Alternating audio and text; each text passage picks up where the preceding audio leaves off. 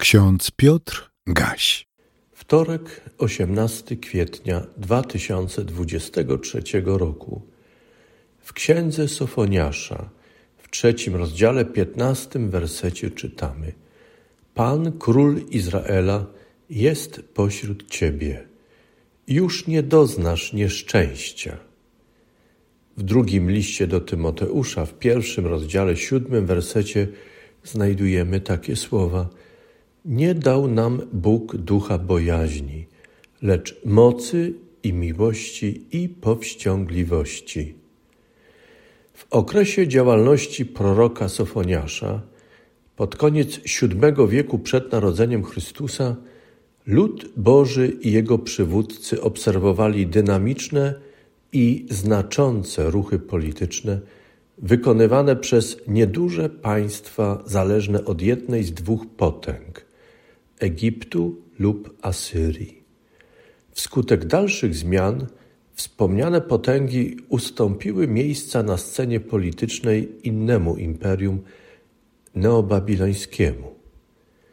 Przywódcy ludu, a także sam lud, interpretowali wydarzenia i oczywiście reagowali na nie.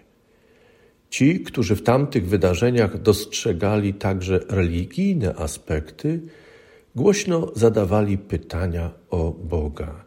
Czy Bóg interesuje się ich sytuacją? Czy dostrzega ludzi i wpływa na dzieje świata? Pytanie o Boga i jego aktywność zadawano jeszcze głośniej, kiedy zagrożenia lawinowo narastały. Dopuszczali bowiem w swoim myśleniu także to, że rozwój sytuacji może się wymknąć spod ich kontroli. Czy wtedy Bóg weźmie ich w obronę? Czy stanie po ich stronie i zamanifestuje swoją wyższość nad bogami ich wrogów? Prorok Sofoniasz wypominał ludowi i jego przywódcom odstępstwo od Boga, lekceważenie Bożych wskazań, bałwochwalstwo i bezprawie. Co więcej, służba proroka była jednym z dowodów na to, że Pan nie odwrócił się od swojego ludu. Posłał proroka, aby przez niego pomóc przywódcom i ludowi zinterpretować wydarzenia i potwierdzić, że Pan jest nadal królem Izraela, a zatem niezmiennie jest wśród ludu. Z tego powodu to lud musi zdecydować, czy chce być z Bogiem. Jeśli tak, to niech lud i jego przywódcy porzucą innych bogów, bałwochwalstwo i bezprawie, aby posłusznie i z oddaniem służyć jedynemu Bogu, królowi Izraela, który niezmiennie jest pośród ludu. Tamta sytuacja pobudza do myślenia. Nakazuje nam pytać o istotną kwestię. Jeśli Bóg włada, jest dzisiaj pośród nas, czy nasze interpretacje wydarzeń są pełne, kiedy prowadzimy polityczne, ekonomiczne, filozoficzne, w tym etyczne rozważania? Dlaczego nie dostrzega się religijnych aspektów, a jeśli się je dostrzega, czy dostrzega się we właściwy, prawidłowy sposób? Czy potrzebujemy nowego sofoniasza? Nie sądzę. Służba sofoniasza zawiera ponadczasowe treści nienaruszalnie oparte na Bożych wskazaniach. Porzućcie innych bogów, bałwochwalstwo i bezprawie, aby posłusznie i z oddaniem służyć jedynemu Bogu, królowi Izraela i świata, który niezmiennie jest pośród ludu, i pośród wszystkich ludów i głosi poprzez swojego jednorodzonego Syna, Jezusa Chrystusa, tę prawdę. Nie jest przeciwko nam, jest z nami i dla nas i chce naszego dobra i ratunku. Współcześnie Kościół, rozumiany przede wszystkim jako lud Boży, nadal winien okazywać Bogu wierność i posłuszeństwo poprzez wypełnianie swojego powołania.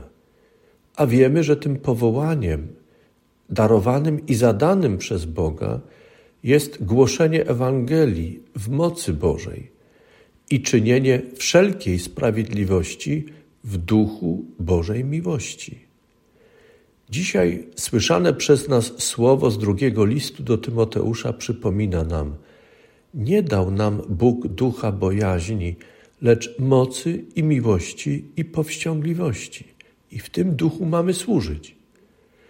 Jeśli sądzimy, że Bóg porzucił świat, to taki sąd jest bezpodstawny i przeczy Ewangelii.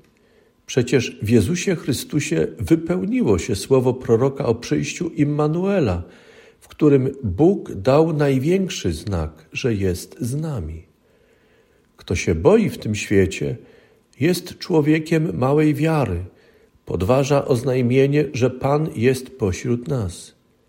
A zatem z odwagą i ufną wiarą mamy niestrudzenie służyć naszemu Bogu.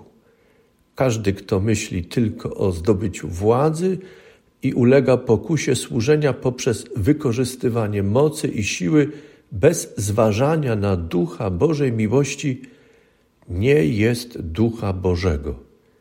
Spo, bowiem spoiwem wszelkiej służby w duchu Bożym jest zawsze miłość i jedynie miłość. Zaś wzór i miarę tej służby w duchu Bożej miłości pokazał i pokazuje nam Jezus Chrystus poprzez swoje nauczanie.